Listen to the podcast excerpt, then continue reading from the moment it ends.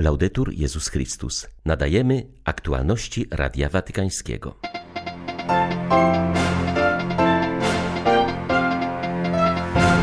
Bóg jest wiernym przyjacielem, pozostaje blisko nas również w momentach ciemności. To jest podstawa modlitwy uwielbienia, przypomniał papież podczas audiencji ogólnej. Nie pomogły apele biskupów, obrońców praw człowieka, organizacji katolickich i humanitarnych. Dzisiaj w nocy w Stanach Zjednoczonych wykonano karę śmierci na Lajzie Montgomery. Udostępnione w marcu ubiegłego roku archiwa pontyfikatu Piusa XII ukazują ogromny zakres pomocy udzielonej przez niego Żydom podczas II wojny światowej. 13 stycznia witają Państwa ksiądz Krzysztof Ołdakowski i Krzysztof Bronk. Zapraszamy na serwis informacyjny.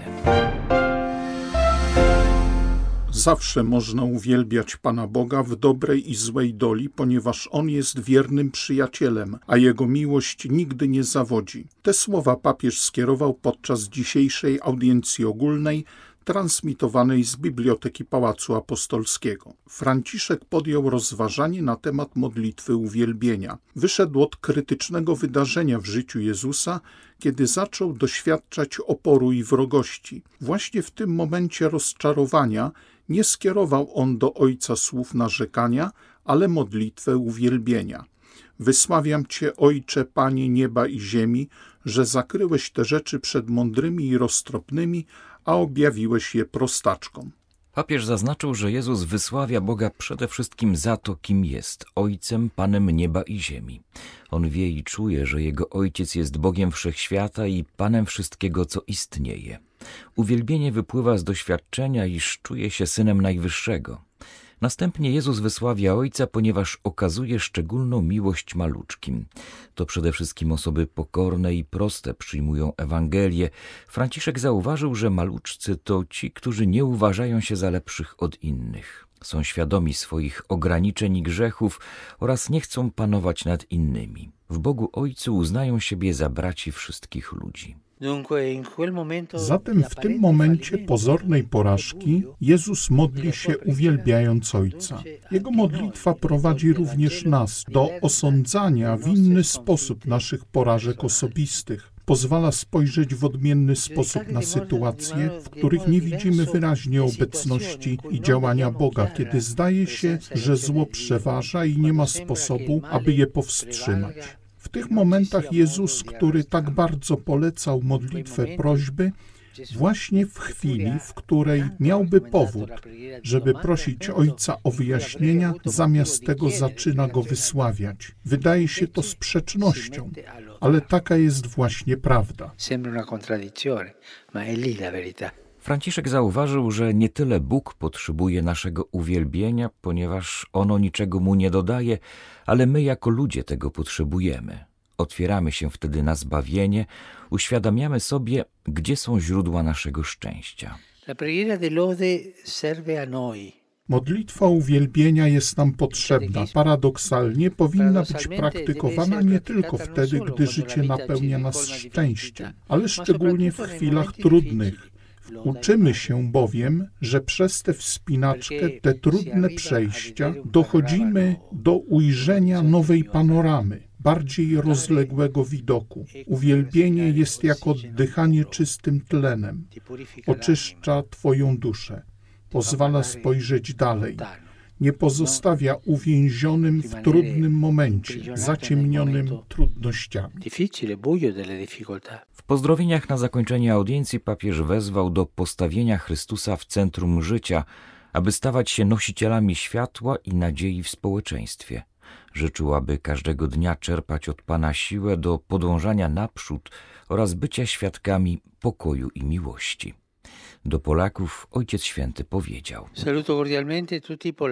Pozdrawiam serdecznie wszystkich Polaków. Kościół w Polsce kontynuuje realizację trzyletniego programu duszpasterskiego zatytułowanego Eucharystia daje życie. Życzę Wam, abyście w nowym roku z odnowionym zapałem mogli pogłębiać tajemnicę Eucharystii jako centrum życia chrześcijańskiego.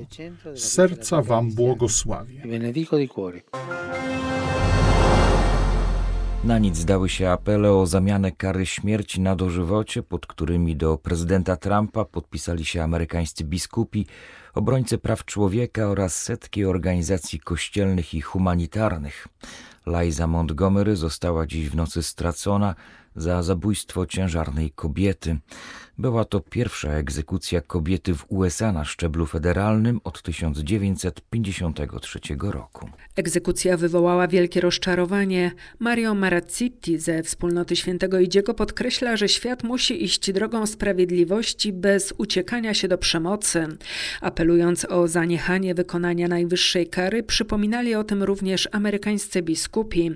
Zauważyli, że w minionym roku rząd federalny wykonał więcej egzekucji niż wszystkie wszystkie 50 stanów razem wziętych. Biskupi wezwali nowy kongres i prezydenta elekta, aby ogłosili moratorium na egzekucje federalne i zmienili obecne federalne wyroki śmierci na dożywotnie kary pozbawienia wolności. Przypominając o niedopuszczalności kary śmierci, papież Franciszek pomaga całemu światu katolickiemu stanąć po stronie życia i wzmocnić jego obronę, mówi Mario Marazziti ze wspólnoty świętego Idziego. In cento anni comunque w ciągu minionych 100 lat wykonano 37 egzekucji, w tym w ciągu ostatnich 6 miesięcy będzie ich 13. Jeśli wykonane zostaną kolejne dwa wyroki planowane do 15 stycznia. Przerażające jest to, że nie wzięto pod uwagę choroby psychicznej kobiety wywołanej latami nadużyć seksualnych i gwałtów, których ofiarą padała od dziecka ze strony ojca i jego kolegów. Z jej oprawców, którzy na zawsze zwichnęli jej psychikę, nie został też pociągnięty do odpowiedzialności. Zbrodnia, którą popełniła, stanowi część tej historii przemocy. Niepowstrzymanie egzekucji jest wielką hańbą. Siamo di fronte a una grande vergogna. Pewnego dnia dokumenty stolicy apostolskiej staną się ogólnie dostępne i wtedy, kiedy opadnie już presja chwili, będzie jasne, że stolica apostolska wykazała się zarówno troskliwością, jak i ostrożnością, powiedział podczas jednego z wojennych kryzysów dyplomatycznych kardynał Giuseppe Malione, watykański sekretarz stanu w latach 1939-1944. Słowa te przytacza nowa książka Johanna Xa, belgijskiego historyka, który wyciąga pierwsze wnioski z udostępnionych w marcu ubiegłego roku archiwów pontyfikatu Piusa XII. Książka belgijskiego historyka nosi tytuł Biuro Żydzi Piusa XII. Tytułowym biurem jest dyplomatyczna sekcja sekretariatu stanu, której papież zlecał interwencję w obronie zagrożonych Żydów. Watykańskie archiwa potwierdzają, że za pontyfikatu Piusa XII do Watykanu napłynęło 2800 listów z prośbą o pomoc. Watykan interweniował w sprawie ponad 4000 Żydów, ułatwiając emigrację, załatwiając wizy czy prawo pobytu we Włoszech. Trzeba pamiętać, że jest to jedna z wielu form pomocy, której Kościół udzielał Żydom podczas II wojny światowej. Świadczy o tym choćby znany już od dawna fakt, że spośród niemal 10 tysięcy Żydów, którzy przeżyli wojnę w Rzymie, ponad 6 tysięcy ocalało dzięki pomocy Piusa XII i Watykanu. W każdym razie, jak podkreśla Johann X, od Odtajnione archiwa watykańskie zadają kłam czarnej legendzie Piusa XII, która powstała głównie za sprawą dzieła niemieckiego dramaturga pod tytułem Namiestnik. Belgijski historyk określa je mianem arcydzieła tajnych służb sowieckich. Episkopat Wenezueli ogłasza 2 lutego dniem modlitwy dla całego narodu, aby pozostać wiernym Bogu i prosić o pokojowe rozwiązanie tragicznej sytuacji polityczno-ekonomicznej kraju. Pod koniec zgromadzenia plenarnego biskupi potępili obecny reżim, który spowodował ruinę narodu i wzywają do jak najszybszych przemian demokratycznych. Niepohamowana inflacja, dewaluacja waluty, która znacznie pogorszyła jakość życia – to główne zarzuty biskupów wenezuelskich do przedstawicieli rządu. Ludzie masowo emigrują, a dodatkowo są oni na granicach poniżani przez policję i wojsko. Zdaniem biskupów emigracja jest najbardziej wyraźnym dowodem na wielką klęskę polityki publicznej realizowanej przez rząd. Wenezuela cierpi, piszą biskupi. Na skutek katastrofalnych konsekwencji modelu ekonomicznego narzuconego przez reżim komunistyczny i ideologię, która zubożyła wszystkich, zwłaszcza tych najbiedniejszych.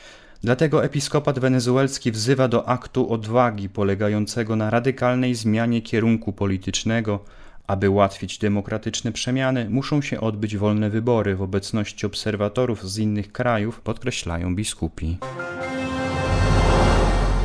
Znacznie spada udział wiernych w mszach w rejonie Tokio, gdzie w związku ze wzrostem zachorowań na COVID-19 władze wprowadziły w zeszłym tygodniu stan wyjątkowy. Potrwa on do 7 lutego. Stan wyjątkowy obejmuje obszar trzech diecezji zamieszkanych przez ponad 170 tysięcy wiernych ponad połowę z nich stanowią cudzoziemcy. Wierni w Tokio i w przylegających prefekturach nie mają prawie wcale możliwości uczestniczenia we mszy w dzień powszedni i mają bardzo ograniczoną możliwość uczestniczenia w Eucharystii w niedzielę.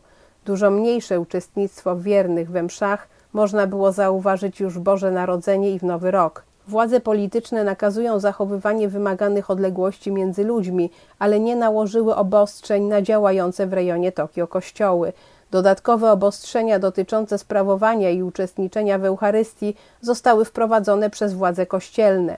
Powołując się na hasło Chrońmy każde życie, arcybiskup Tokio Tarcisio Isao Kikuchi zwolnił wszystkich wiernych z obowiązku uczestniczenia we mszach świętych w niedzielę. Zakazał uczestniczenia w mszach w kościołach innych parafii, nawet gdy są w nich wolne miejsca podczas Eucharystii. W wielu kościołach na mszę niedzielną przychodzi od 10 do 20 osób, czyli dużo mniej niż jest możliwe.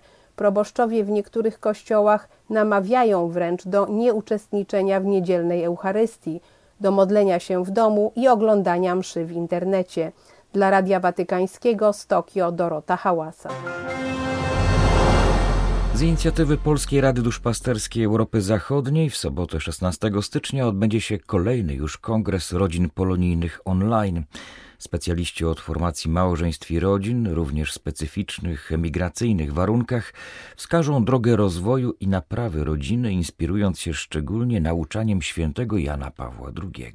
Zaproszenie skierowane jest do każdej emigracyjnej rodziny, Zgłoszenia przyjmowane są do 14 stycznia. W programie zarówno teoria, jak i praktyczne porady. Kongres skierowany jest nie tylko do małżeństw i rodzin żyjących poza Polską, dotyczy również ludzi przygotowujących się do zawarcia sakramentu małżeństwa, a także duszpasterzy podejmujących posługę na rzecz małżeństwa i rodziny. Delegat Konferencji Episkopatu Polski do spraw duszpasterstwa i emigracji polskiej biskup Wiesław Lechowicz w rozmowie z Radiem Watykańskim między innymi powiedział: Temat tego kongresu pomysł brzmi idź i odbuduj mój kościół, dodajemy domowy. Pierwsza część tego tytułu to jest oczywiście bezpośrednie nawiązanie do słów, które święty Franciszek z Asyżu słyszał od Jezusa i które go sprowokowały do tego, żeby podjąć e, dzieło reformy Kościoła. My chcemy odbudowywać Kościół domowy. Kościół domowy dlatego, że w rodzinie, podobnie jak w Kościele, powinno dokonywać się dzieło nauczania, wychowywania w duchu chrześcijańskim. W listopadzie 2020 roku odbył się drugi Kongres Rodzin Polonijnych online, gromadząc uczestników z blisko 20 państw. Jest to spotkanie, które konsoliduje ludzi polskiego pochodzenia zaangażowanych w pracę na rzecz rodziny w obrębie całego świata. Dla Radia Watykańskiego Elżbieta Sobolewska-Farbotko, Radio Bobola, Londyn. Były to aktualności Radia Watykańskiego. Laudetur Jezus Chrystus.